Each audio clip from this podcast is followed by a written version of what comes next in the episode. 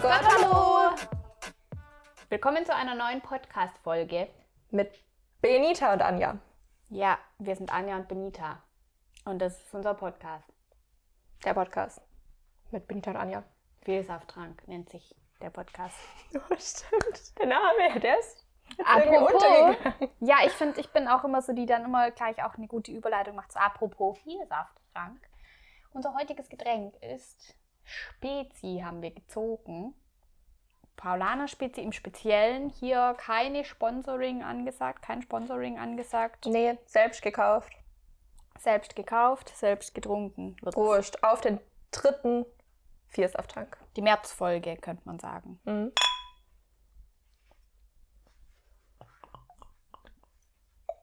Ist so laut gewesen. Mhm, aber voll schön, so als ob wir jetzt so einen Soundeffekt so gluck, gluck, gluck eingebaut Vielleicht hätten. sollten wir schon Aber halt nicht uns mehr span- sponsern möchte, so gute Werbung wie wir machen. Ja, falls ihr uns sponsern wollt.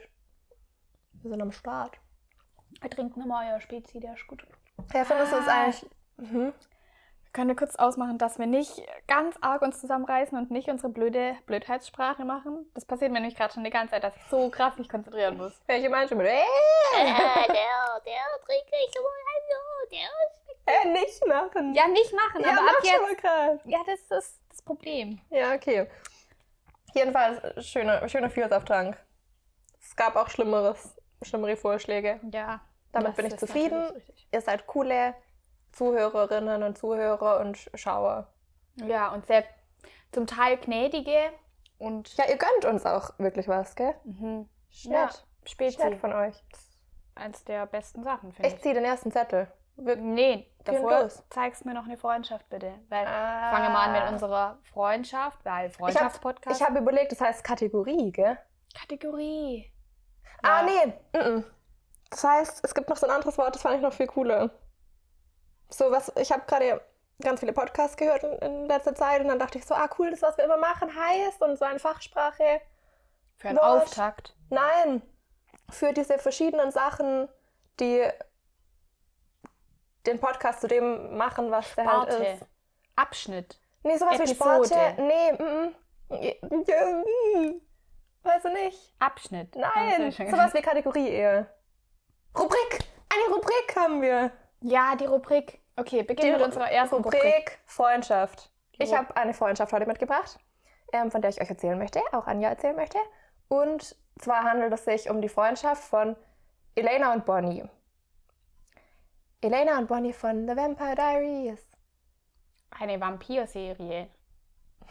Vampire Diaries. Ah, wer hätte gedacht. Ja. Okay. Ja, was Ähm, find- findest du spannend an der? Anja findet es voll unspannend und denkt sich so, hä, warum, warum willst du diese Freundschaft? Ja?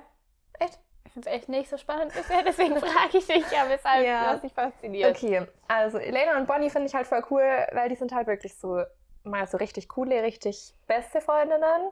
Und wo man so in der ersten Folge gleich so die Hauptrolle Elena halt sieht und gleich mit der besten Freundin und so alles gleich süß und so ist. Das finde ich schon mal cool. Und dann finde ich halt krass, weil die halt dann so ein life-changing Ding halt in ihrem Leben haben, was man ja immer hat, wenn man einen Film Mhm. oder eine Serie hat. Und ähm, die dann eben rausfinden, es gibt Vampire und so. Und Elena verliebt sich in einen Vampir. Und deswegen wird Elena so ein Vampir-Sympathisant. Ja, Das hatten wir neulich schon. Sympathisantin sogar wäre es ganz krass. Aber Sympathisant, irgendwas klingt daran falsch. Ich finde, es klingt wie so ein Passant. Was ist ein Passant nochmal? Ja, so ein, Jemand. äh, der in einen Zug steigt oder so. Ah, nee, Nee, Passant. Ein Passant gibt es, glaube ich, nicht. Außer ein Passant ist jemand, der Ah, der ist doch so Eine, passiert, also ja, vorbei. einer, der nur durchläuft in einem Film oder so. Ja. Keine richtige Rolle hat. ja, ja, genau. Sowas so. wie ein Komparse.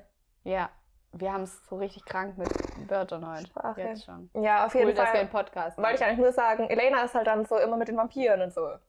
Obwohl sie ein Mensch ist.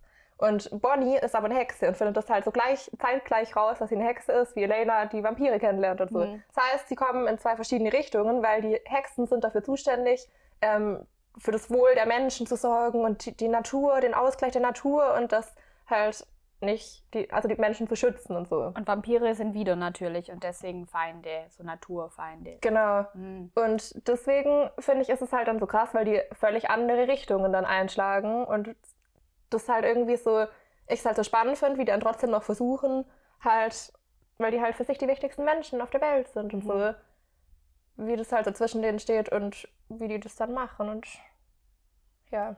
Ja, das finde ich halt schon voll spannend, weil das ist ja dann praktisch so wie eine Romeo und Julia Geschichte, so wir haben verfeindete Familien und deswegen können wir nicht und so. Mhm. Nur, dass die halt sich ja davor schon kannten und das mal nicht so war und sich dann Mhm. ändert. Und halt Ja. dann so der Punkt so, du magst die Person ja schon, es war ja auch schon okay, aber jetzt ist was falsch und wende ich mich jetzt von der Person ab oder mache ich das nicht? Oder ab wann ist dann der Punkt, wann ich mich von einer Person abwende oder nicht? Mhm. Weil man ja eigentlich immer sagt, man steht zu seinen besten Freunden. Aber wenn du jetzt so sagen würdest, ich werde jetzt ein Terrorist und ich entwickle jetzt eine Bombe und dann, Mhm. weißt du, dann Vibriert ich eigentlich immer dein Handy. ja, ich mache schon mal einen Flugmodus. Flugmodus. an. Da, da, da. Wie geht Ähm, das? Ah, hier. Flugmodus kenne ich nicht. Immer erreichbar.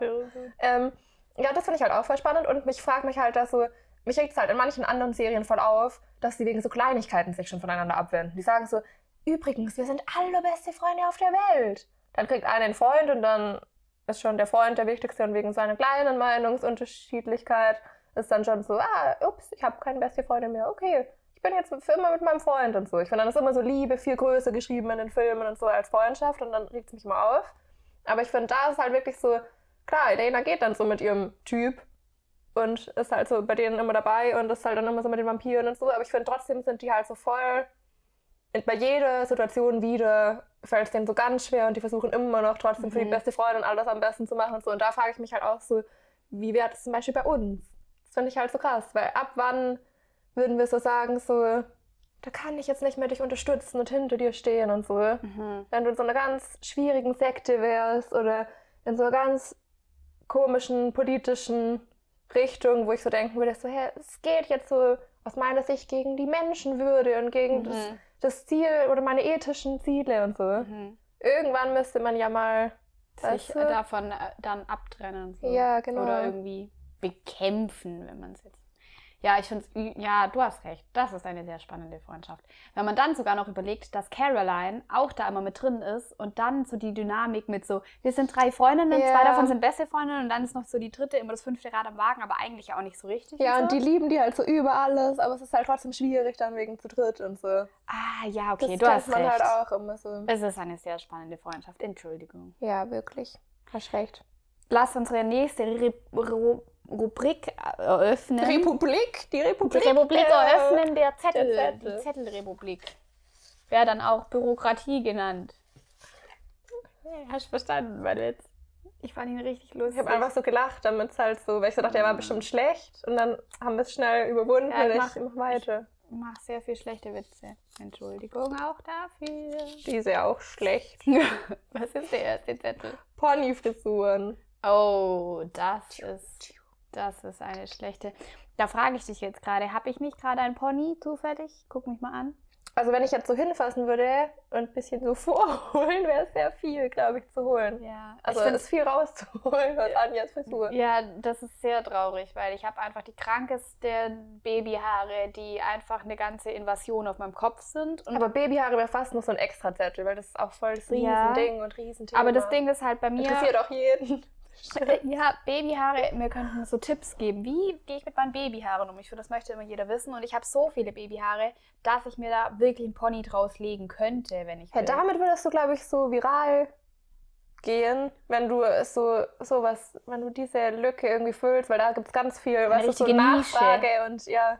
Ja, nur dass das Problem halt ist, dass ich einen Wirbel habe oben am Scheitel, also so Ja, deswegen Stirn. ist bei dir besonders schwierig, wenn es dann selbst bei dir klappt.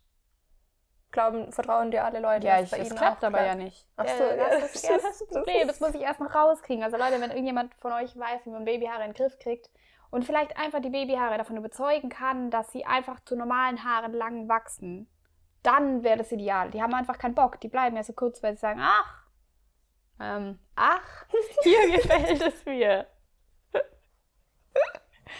ja, aber Pony, okay. Ha, ha, Hattest du schon mal einen Pony, Anja? Ja, ich kam mit Pony auf die. Welt.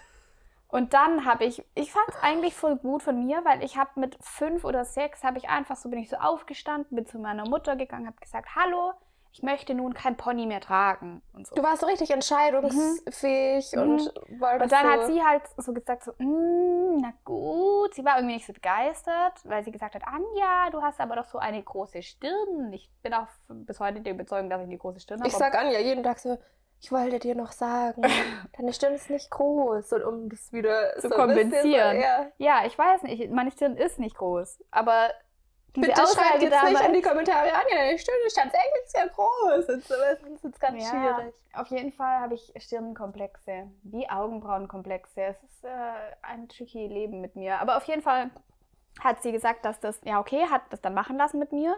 Und dann irgendwann so nach einem Jahr oder so, ich war eigentlich richtig glücklich, hat sie gesagt, Anja, wir sollten jetzt mal noch überlegen, möchtest du dir nicht doch wieder ein Pony schneiden? Und dann habe ich gesagt, nein. Und hat sie gesagt, aber das wäre schon gut. Ich, ich, vielleicht sollte ich mal fragen, Ja, aber warum ich glaube, das war echt eher das Trendding. Hm, Weil ich, um schon mal vorauszuspoilern, ich hatte es zeitgleich auch. hm. Meine Mama war auch so nicht davon abzubringen irgendwie. Naja, auf jeden Fall hat sie dann gesagt, ja, wir sollten wieder entschneiden. habe ich gesagt, ich möchte aber nicht. Und dann haben wir uns auf eine ganz dumme Dummheit geeinigt. Wir haben gesagt, dann machen wir einfach ein bisschen Pony. Also nicht so, nicht äh, viel und aber auch kein nicht nichts, sondern nur so ganz wenig Haare. Hey Leute, Kompromisse sind echt was Gutes in den meisten Fällen. Mm. Das ist eine Ausnahme, wo ein Kompromiss nicht Ja. geeignet ist. Da muss, äh, da muss man schwarz-weiß denken Ja. und sich für eins entscheiden. Ja. Einer muss sich durchsetzen. Die Realität, die nämlich diese, dieser Kompromiss nach sich gezogen hat, war, dass ich bis ich zwölf war oder so einfach mit drei Haaren auf der Stirn rumgelaufen sind, weil, bin. Weil die haben sich einfach so hingelegt wie drei Strähnen und das war dann das Pony. Und bitte darf ich irgendein Bild jetzt einblenden an dieser Stelle. Das wird mich so glücklich machen. Ich habe 300 davon. Ja, aber frag, frag mich bitte dazu. Welches genau? Aber ja, das war, das hat mich sehr, ähm, wie sagt man, gede ähm, so mir Demut beigebracht oder wie sagt man mich so auf dem Ja, Boden der Tatsache. bodenständig. Das hat mich bodenständig gehalten. Vielleicht ist das die Lehre gewesen. Vielleicht wollte meine Mama einfach, dass ich bodenständig bleibe und da, deswegen hat sie mich hässlich gemacht. Ich glaube, es gab ganz viele, ganz viele Gründe, wofür das eigentlich letztendlich gut war. Mhm. Zum Beispiel, dass du halt jetzt seit dem Baby... Ah, nee, das ergibt keinen Sinn. Ja, das mit den Babyhaaren ist halt auch schlimm. Ich habe die dann mal abgeschnitten. Das ist auch die allerdümmste Idee. Weil dann habe ich sie abgeschnitten, ganz kurz. Und dann habe ich aber den Wirbel hier. Und dann sind die halt einfach immer ab, also ein Einhorn, wirklich hochgestanden. Und auch wenn ich dann, ich hatte damals noch so ein schräges Pony, was eigentlich so drüber ging. Aber die haben das einfach so aufgefächert und haben dann da durchgestanden, weil die ja so kurz und, weißt du, so härter Oh, noch dadurch waren. Das ist sowieso richtig schlimm. Ich weiß, ei, ei, ei, ich, Ja, es, ich glaube, es haben schon richtig viele Leute richtig krass was verkackt mit Ponys. Ich habe neulich mit einer Freundin tausend so, so Pony-TikTok-Dinger angeguckt, wo die so schneiden und dann Mhm. springt so hoch oder so. Oder ähm, von einem Bekannten, der Nachbar hat einfach seiner Schwester, sie hat gesagt, sie möchte keinen Pony mehr, sondern so normale. Haare halten. Und dann hat er es so rausgeschnitten, weil er dachte, das so funktioniert, dass man, dass man den halt nicht mehr hat. Weil es sieht ja auch so aus, wenn jemand keinen Pony hat, weißt du? Ja, deswegen finde ich halt, halt Pony so so. ist gerade auch wieder was, was ein bisschen mehr Trend wird, gell? Und ich habe halt ganz arg Angst, weil ich finde, das kann, du siehst manchmal so Bilder und dann denkst du so, oh, das Ja, ist ich aber finde, das war richtig schon bei geil. Vanessa Hutchins immer, wenn die so ein ganz Ja. tiefes Pony hatte und dann dachte man so, oh, das sieht so schön Ja. aus, ihr Gesicht. Und dann hattest du kurz so dieses Ding, wo du denkst, oh, sollte ich mir wieder einen Pony schneiden? Und dann haben wir miteinander telefoniert oder so und dann hat der andere gesagt, wiu, wiu, Achtung, kein Pony. Und dann war man immer danach glücklich, als man dieses Bild wieder eine Weile weggelegt hat, dass man dachte, stimmt, ja, wenn ich jetzt so überlege, das ist ein zu großes Risiko. Ja, du hast wirklich recht. Ich drücke jetzt gleich auf die Klingel, aber ich möchte noch kurz sagen, ich hatte das Gegenproblem von Anja. Meine Mama Mhm. und Anjas Mama waren ja Freundinnen die ganze Zeit über. Ich glaube, die haben uns wahrscheinlich gleichzeitig gemeinsam das Pony geschnitten. Aber meine Mama hat halt so ganz viel genommen. Ich finde, es war halt, es war halt fett und viel und überall und so. Und ich finde halt, irgendwie war ich da nicht so, so selbstständig wie du, dass ich mich dagegen gewehrt habe oder irgendwas darüber gemerkt. Ich habe einfach nicht gemerkt, ob das schlimm ist oder nicht. Ich habe es in der achten Klasse, siebten Klasse oder so dann weggemacht erst. Ich habe mich nie dagegen gewehrt. Das war mir auch richtig geil. Ich habe auch, meine Haare waren halt bis hier und mein Pony bis hier. Das heißt, ich sah aus, als hätte ich so ein Viereck, also Ja, so rausgeschnitten So ein aus dem- Helm. Ja, und ich habe mich einfach gar nicht drum besorgt oder gekümmert oder jemals drüber nachgedacht. Deswegen bin ich stolz auf dich, dass du wenigstens wusstest, dass scheiße ist. Nee, ist eigentlich Ja, voll okay, hat gut, dein Leben dann irgendwie blöder ja, gemacht, gell? Ich habe mich einfach nicht damit einfach- befasst. Gut dabei, ja. Ja. Okay. Klingel, ich Ich komme nicht gut hin. Ich, habe gedacht, wenn ich es wieder so anfasse, dann hört es auf, aber es klingt für immer weiter. Ziehst du den nächsten Zettel, ich komme nicht so gut hin. Nur, dass ich schuld bin, wenn es sonst dummes ist. Diese Zettel. Songwriting. Siehst du, bist du gar nicht schuld daran, dass du einen blöden Zettel gezogen hast? Weil Songwriting finde ich richtig geil. Das ist voll schöne Zettel. Du wirklich Habe ich bestimmt da reingemacht. Kann ich, kann ich mir tatsächlich vielleicht vorstellen. ja, ich auch. Oder du auch. Ja, leg mal los. Was hast du zum Thema Songwriting überhaupt zu sagen? Ja, ich finde es voll cool. Ich mach's manchmal. Ich wollte gerade sagen, das war richtig dumm, weil ich wollte sagen, ich mache richtig viel. Aber wenn ich jetzt gerade aktuell meine Situation betrachte, so die letzten Tage, Wochen, mache ich es viel zu wenig, als dass ich zufrieden damit bin. Ja. Deswegen war das so ein manchmal. Ich finde, das ist auch ein bisschen so phasenmäßig. Ich hätte dir nämlich, hätten wir das vor ein paar Wochen gemacht, hätte ich dir erzählt, dass wir ja gerade Fastenzeit haben. Und deswegen man ja Sachen sieben Wochen ohne macht oder sieben Aber Wochen. es ist immer noch Fastenzeit. Ja, aber ich habe zwei Sachen gefastet, beziehungsweise eine Sache gefastet, die andere Sache Dazu. dazu. Also einen sieben Wochen mit sozusagen. Ja. Und es ist beides leider so dahingeschwunden in Oh. seiner Disziplin. Und das finde ich, ich finde, bin- das ist ein eigenes Thema. Ich bin halt ein bisschen unzufrieden mit mir. Aber diese Sache mit wär, war nämlich One Song a Day. Also, dass Mhm. du einen Song am Tag schreibst.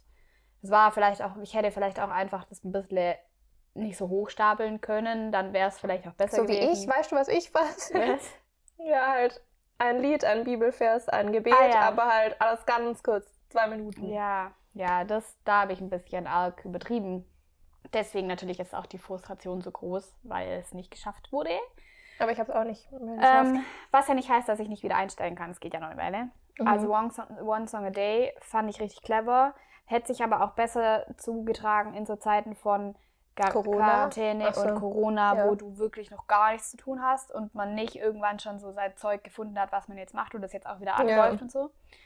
Ähm, und die andere Sache, die ich gefasst habe, war Essen bestellen. Das, es hat noch nie was so schlecht geklappt wie. Also ich wollte kein Essen bestellen. Aber da, ich habe nicht damit Das gerechnet. so witzig, weil das klingt gar nicht nach was, was man fasten müsste und so. Doch. Ich habe nämlich aber auch dann gedacht, ich müsste das auch gar nicht fasten, wenn ich nur nach meinem Alltag gehe. Aber ich habe halt nicht meine Freunde mit einberechnet, weil sobald ich mit meinen Freunden was mache oder mit Tobi oder so, wird Essen bestellt, richtig Ja, oft. Und das scheiße. ist dann voll das dumme Ding, weil wenn ich alleine zu Hause bin, wird mir ja auch nicht einfallen, was mir zu bestellen. Das habe ich erst einmal in meinem Leben gemacht. ähm, Okay, ja. aber Lieder schreiben. Lieber Lieder schreiben. Ähm, willst du so richtig, richtig deep einsteigen? Weil ich hatte vorher, als ich hierher gefahren bin, im Auto so einen richtig krass deepen Gedanke. Ja, bitte diese. Ich habe gehört, eine One Direction Playlist gehört. Und da war gerade irgendein Song, ah, jetzt weiß ich wieder nicht mehr, welcher genau das war, aber ich finde One Direction hat schon mehrere so Songs, die so, ah, History, glaube ich. You and me got a whole lot. Ah, ja. In diese? Oh, Mhm. war voll schief. ähm, und da finde ich, war das so ein, wir sind zusammen in einem, haben sowas durchlebt und sind so, weißt du, so ein Mhm. Gemeinschaftsgefühl ähm, Ja. macht es. Ähm, und ich bin ja gerade heimgefahren von meinen Eltern und ich hatte Geburtstag am Wochenende. Das heißt, es war so ein bisschen so ein Familienwochenende. Gemeinschaftsgefühl. Familie. Gemeinschaftswochenende gefühlt und so. Saß in so einem Auto wieder allein, so nach zwei Tagen keine Minute allein und habe mir so gedacht so, boah, es ist war richtig nice. Habe das halt so Revue passieren lassen, fand es richtig cool.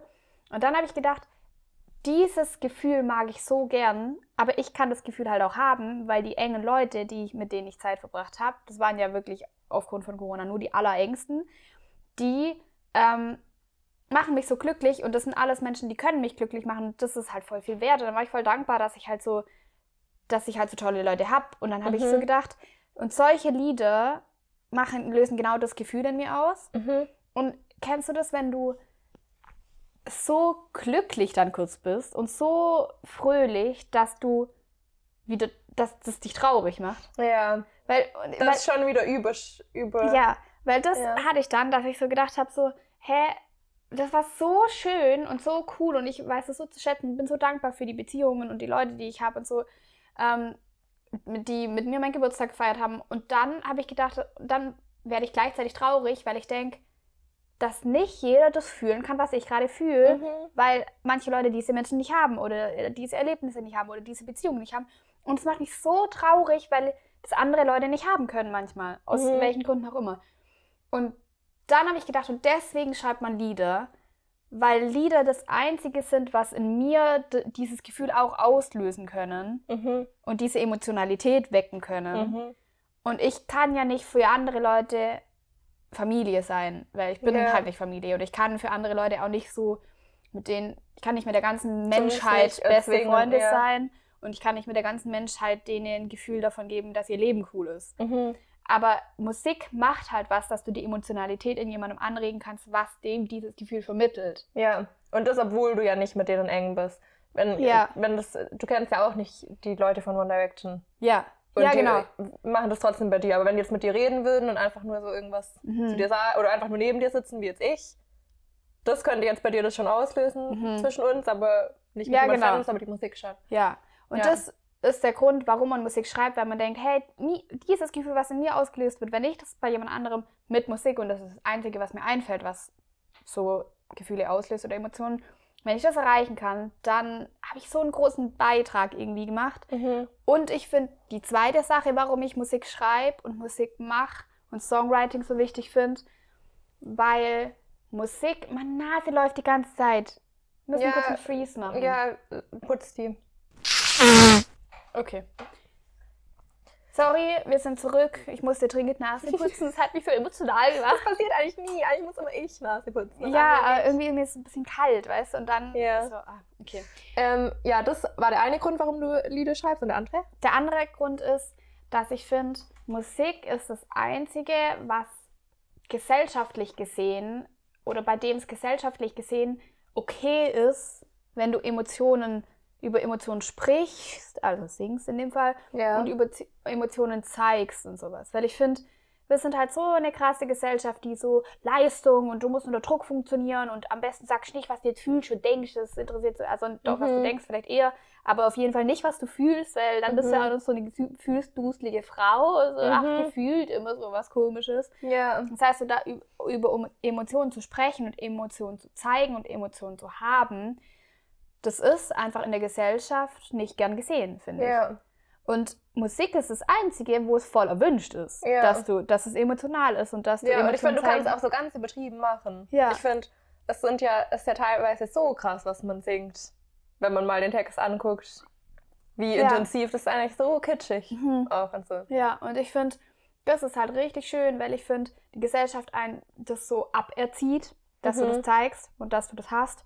Ja. Ähm, und dann aber du das kompensieren kannst, indem du Musik haben darfst und Musik haben kannst und Mhm. es da sogar forcierst, weil es einfach mega wichtig ist, dass man das im Leben auch hat. Ja. Und dass es keine Seite ist, die so abtrainiert wird. Mhm. Ähm, und das finde ich sind die zwei Gründe, warum ich, warum ich so krass finde. Beides ist voll mit Emotionen verbunden. Ja. Ja. Ja. Und kannst du noch kurz sagen, wie du das, also, wie du das machst? Weil ich finde, es ist ja voll auch sowas, man muss so in die Mut dafür kommen und dann ist es ja voll schwer, wenn man so sagt, man macht jetzt einen Song am Tag. Also ich finde, bei mir hat es jetzt erstaunlich gut geklappt mit diesen zwei Minuten, immer zwei Zeilen wieder von einem Lied weiterschreiben. Und das hätte ich auch nicht gedacht, weil ich dachte mir, ich kann ja nicht mitten in meinem Alltag so sagen, okay, ich mache jetzt eine 10-Minuten-Pause Mhm. und schreibe kurz zwei Zeilen. Aber ehrlich gesagt war es bei mir dann doch so, weil ich einfach die ersten fünf Zeilen halt schon hatte oder so, die wieder gelesen habe und ich war einfach sofort wieder drin. Einfach nur wegen fünf Zeilen oder so, war ich sofort wieder so drin, dass ich in zwei Minuten die nächsten zwei Zeilen hatte. Das hat mich halt voll gewundert. Also klar, mit Musik machen, dann wirklich so singen und Gitarre und bis du das alles hast, es nimmt im Alltag dann doch viel Zeit ein, eine Melodie zu schreiben. Aber ich finde, so mit den Texten ging es bei mir so richtig schnell, dass ich einfach wieder sofort da war und sofort weiterschreiben konnte und so. Aber ich wie finde bei machst mir, es ist übel, und das ist jetzt ein richtig dummer Vergleich, weil das mit Sport oder Workouts, obwohl Songwriting halt oder Musik so das ist, wo so, yes, auf jeden Fall, check, mache ich, will ich, kann ich, tue ich, brauche ich. Und Sport Und immer Sport, immer so. dieses so, ich weiß, dass es theoretisch wichtig wäre, aber einfach. hm. Ähm, aber da finde ich, ist es beides voll so, wenn du mal drin bist, dann, also ich führe halt auf jeden Fall so ein oder mache in meinen Notizen oder so, dass du immer die Möglichkeit hast. Ich habe eine Songinspiration, ich habe eine Melodie, die mir in den Kopf kommt. Ich fahre Auto und habe zwei Zeilen irgendwie, die passen oder so. Mhm. Dann schreibe ich das immer alles auf. Das heißt, du hast so ein so eigentlich so ein Songwriter-Book, was sich immer von alleine befüllt. Und dann Ja. kannst du einfach mal sagen, okay, ich setze mich hin und mach aus dem einen was. Oder du bastelst sogar mehrere Ideen zusammen oder Mhm. so. Also das ist halt richtig, richtig wichtig, weil ich finde, Ja. voll oft kommen dir richtig coole Ideen einfach so zwischendrin Mhm. und manchmal gehst du aber dann auch am nächsten Tag, hörst du dir das nochmal an, denkst dir so, das war eine richtige Kackidee, es ist überhaupt nicht cool. Also passiert ja auch voll viel. Mhm. Ähm, aber ich finde, je mehr du das machst, desto, desto mehr Eindrücke hast du am Tag auch. Das ist so eine richtige Gewohnheitssache oder Trainingssache, so ein bisschen. Ja. Ähm, weil einfach gedanklich du dich ja viel mehr damit beschäftigst. Mm, Und ich finde, mit Songwriting ist es dann schon auch so, wenn du dann mal so raus bist wegen irgendwas, finde ich, äh, dann musst du das wieder forcieren und wieder dir Inspiration holen und dich einfach mal wieder hinsetzen. Ganz gerade aktuell eigentlich witzig, dass wir den Song äh, dass wir den Zettel gezogen haben, weil ich übelst die Songwriter-Blockade habe und das mich ultra anstrengt und schon so, wie kann ich Songwriter mm, Block, äh, also Blockade Schreiber, lösen. Writers Block, wie heißt das? Weiß nicht. ähm, halt, weißt du, überwinden Ja. und so.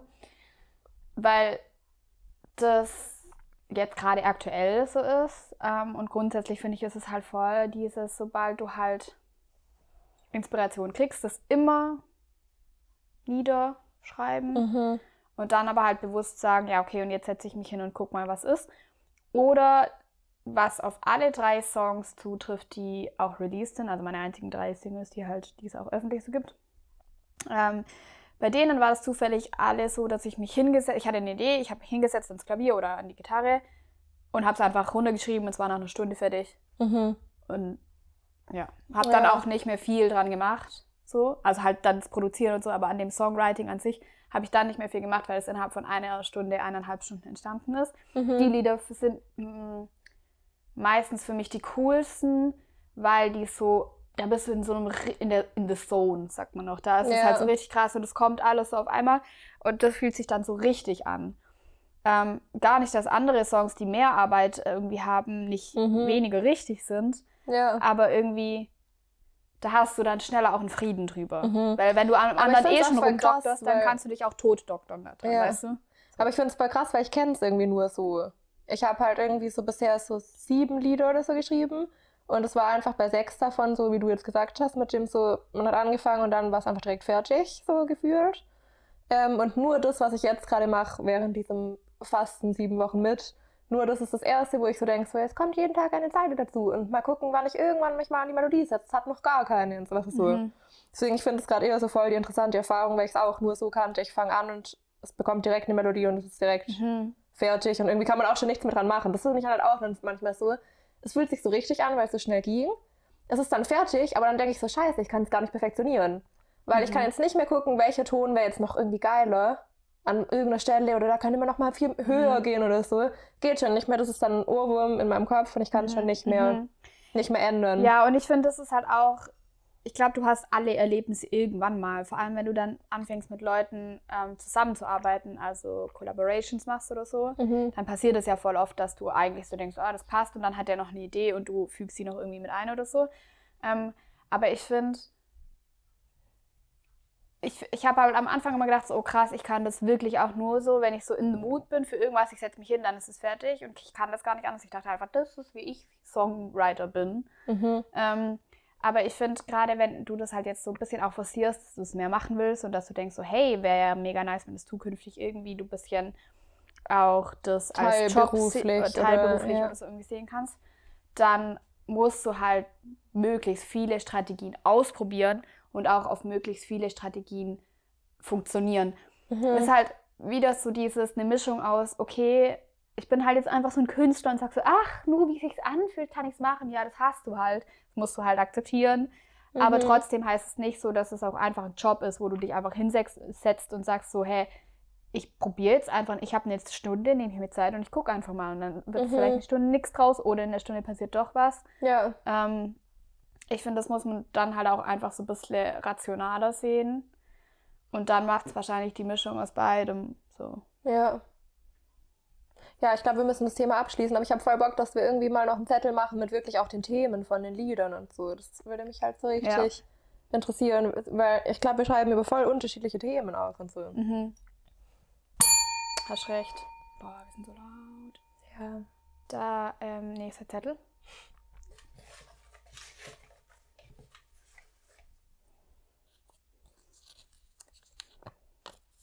Was steht immer am längsten auf deiner To-Do-Liste?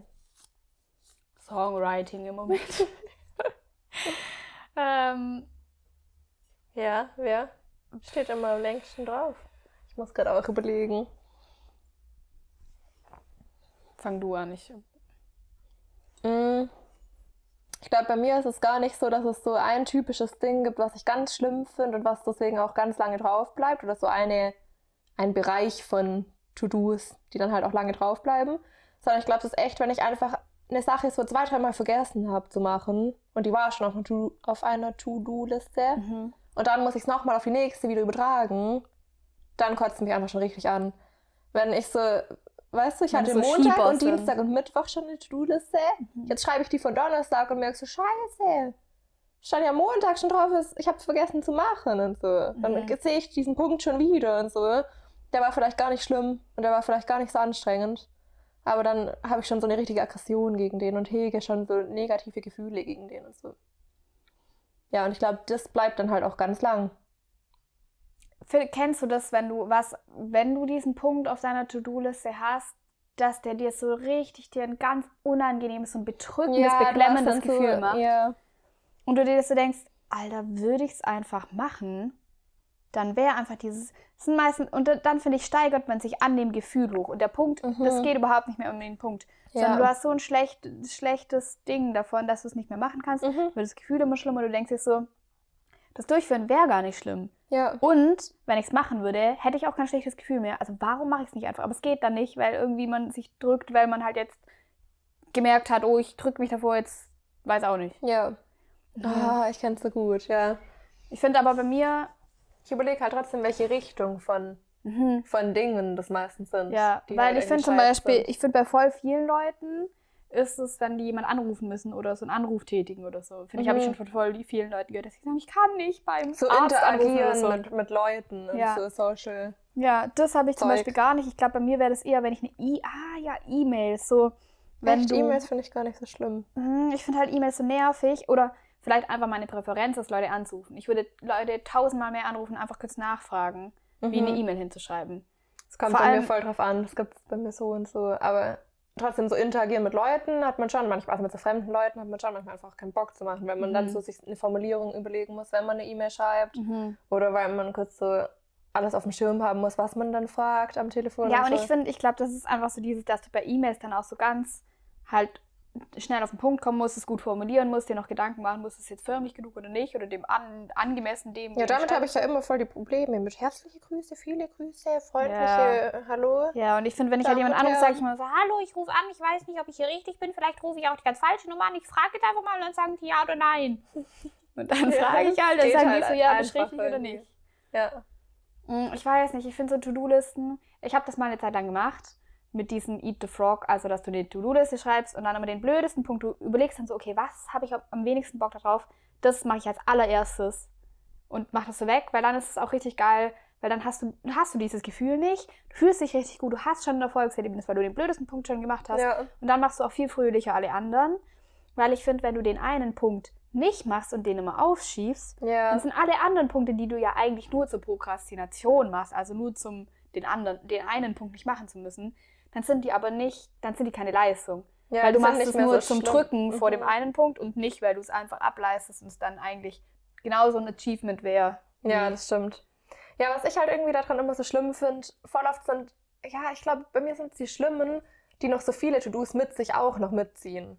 Weißt du, so. Weil ich finde, voll oft, bei mir ist es dann eher so, nicht jetzt, keine Ahnung, irgendwo anzurufen, sondern bei mir ist es eher so, ich sollte mal wieder zum Arzt. Und dann denke ich mir aber so, okay, wenn ich mich jetzt um Arzt kümmere, fallen mir halt drei Ärzte ein, zu denen ich dieses Mhm. Jahr gehen muss. Das heißt, es sind gleich drei Sachen.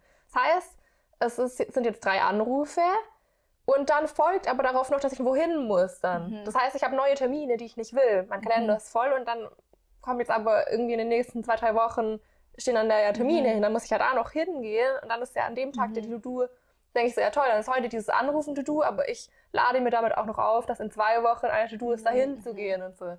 Ah, Und dann lade ich mir damit sogar noch auf, dann kriege ich vielleicht noch irgendwas verschrieben und muss damit dann auch noch in die Apotheke an noch einem anderen Tag. Also denke ich halt einfach so, ah, dann mache ich es lieber einfach gleich nicht, weil das voll, also es bringt ja drei To-Dos mit Weißt du sich. was? Jetzt fällt mir ein, was bei mir so eine Kategorie an To-Dos ist, die ich nicht leiden kann. Ja. drücken wir auch gleich auf die Klingel.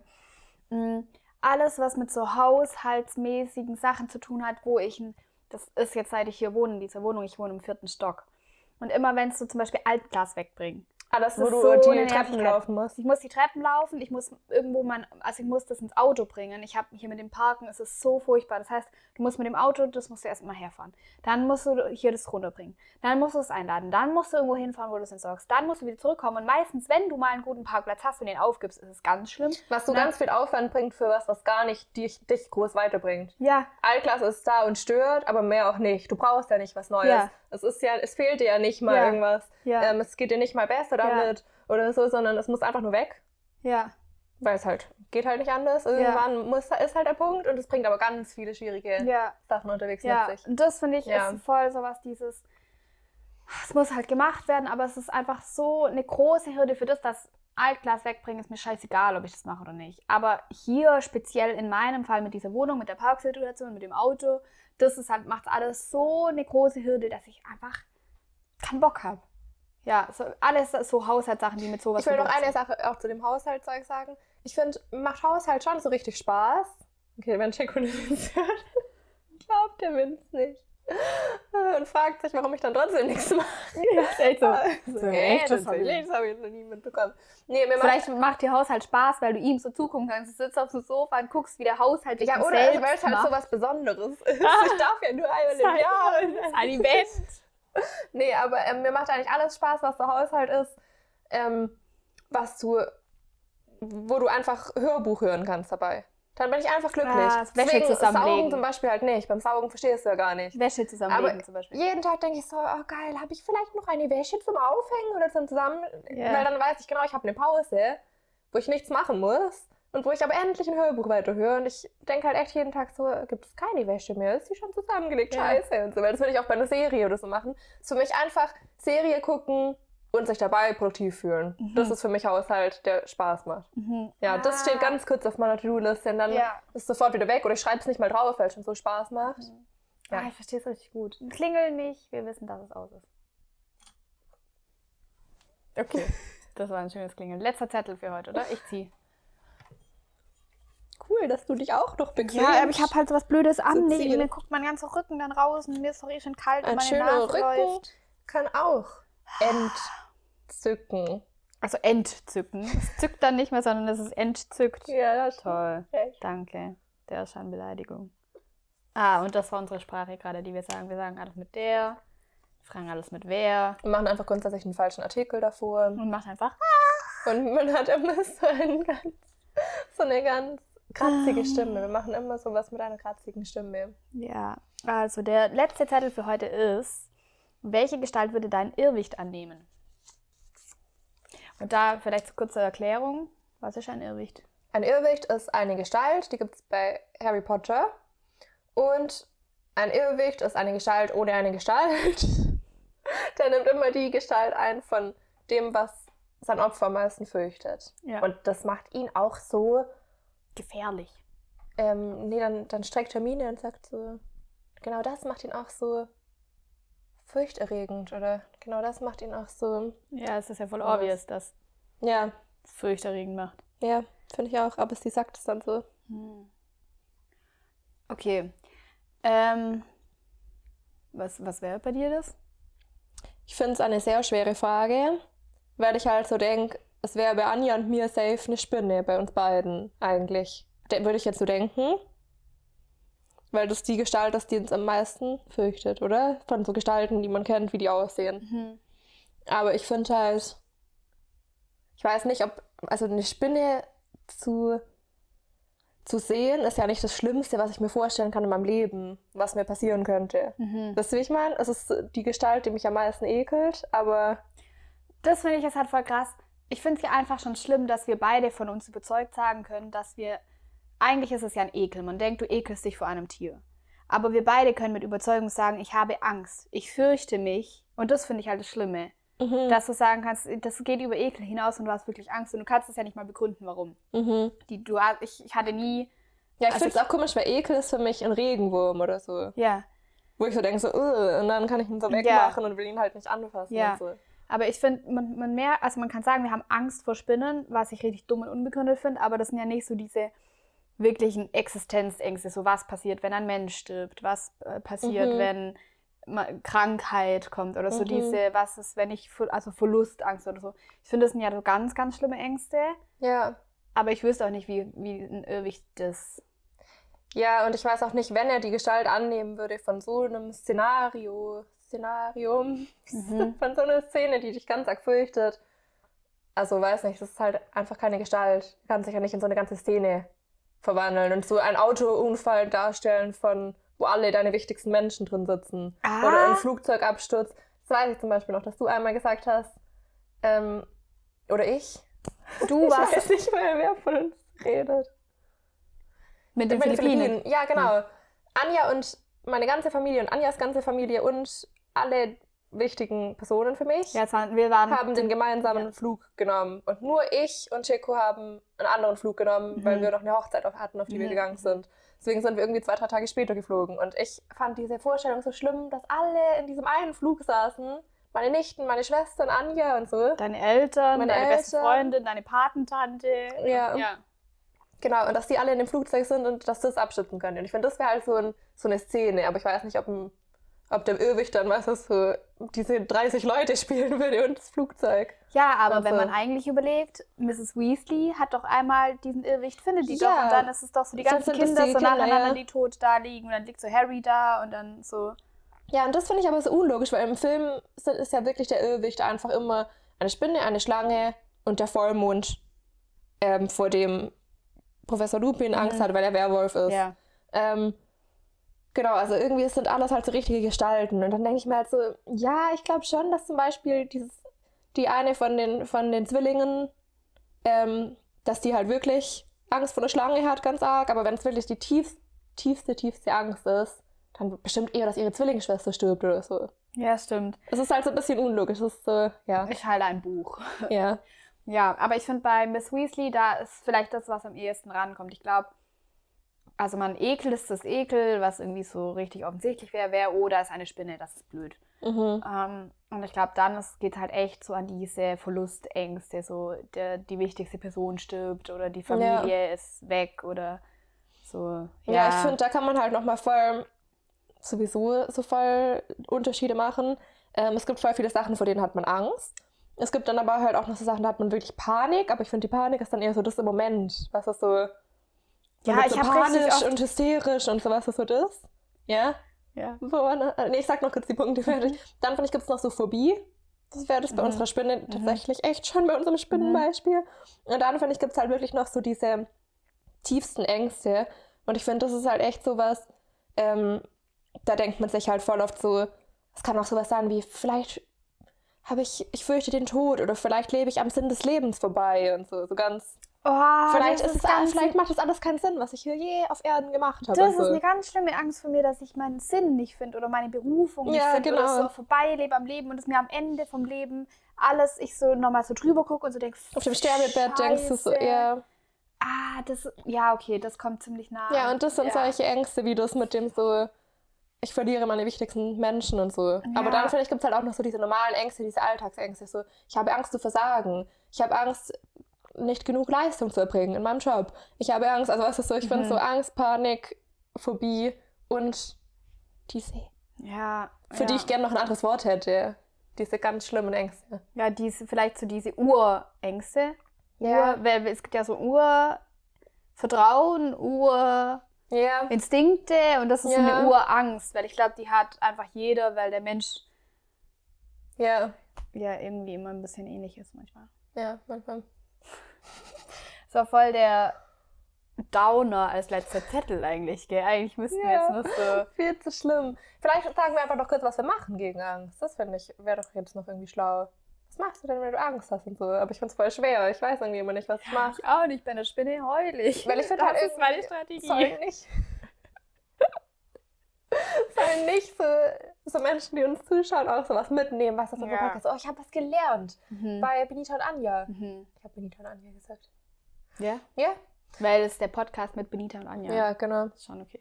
Ähm, deswegen, weißt du, so, ich habe noch was mitgenommen. Ich kann einen Tipp probieren. Oder schaffen wir das nicht und müssen auf Kommentare warten Ich glaube- Menschen.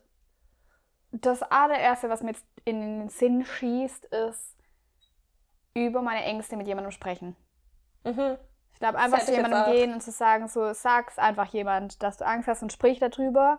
Und Damit dann überleg eingestehen vielleicht gemeinsam, woher das vielleicht kommt und ob die Angst klärt erstmal, ist die Angst berechtigt oder nicht. Ich finde das zum Beispiel bei Verlustangst so in Partnerschaften, dass Mhm. der eine immer sagt, oh, das ist so schlimm, ich habe so Angst, dass du mich verlässt. Und dann sagt der andere so, hä, warum? Es macht, also Mhm. ich Ich, würde dich jetzt gar nicht verlassen. ja, Das voll auf ist den Stehen, ja, so. so Ängste, die wirklich nur in mir halt, genau, das würde ich halt aber ausschließen. Das ist eine Angst, die nur ich habe oder ist die berechtigt, weil der Partner sagt, ja, ich habe auch jemand anderes, tschüss. Dann wäre Mhm. es richtig scheiße, weil dann wäre es Mhm. voll bestätigt und so.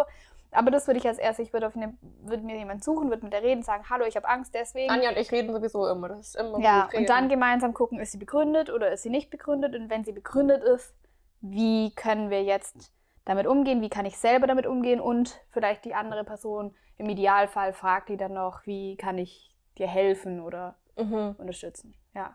Ja, ich glaube, das ist bei mir tatsächlich auch. Ich glaube, was ich jetzt halt auch noch so als erstes dran gedacht habe, ist, ähm, wenn ich jetzt niemand zum Reden habe, so alleine, finde ich, ist es bei mir auch so der allererste Gedanke zu beten. Also mit Gott zu reden, finde ich, ist halt auch sowas. Man hat es gleich ausgesprochen und man weiß, so ist das jemand da. Das finde ich ist auch so das, ähm, was mir halt hilft.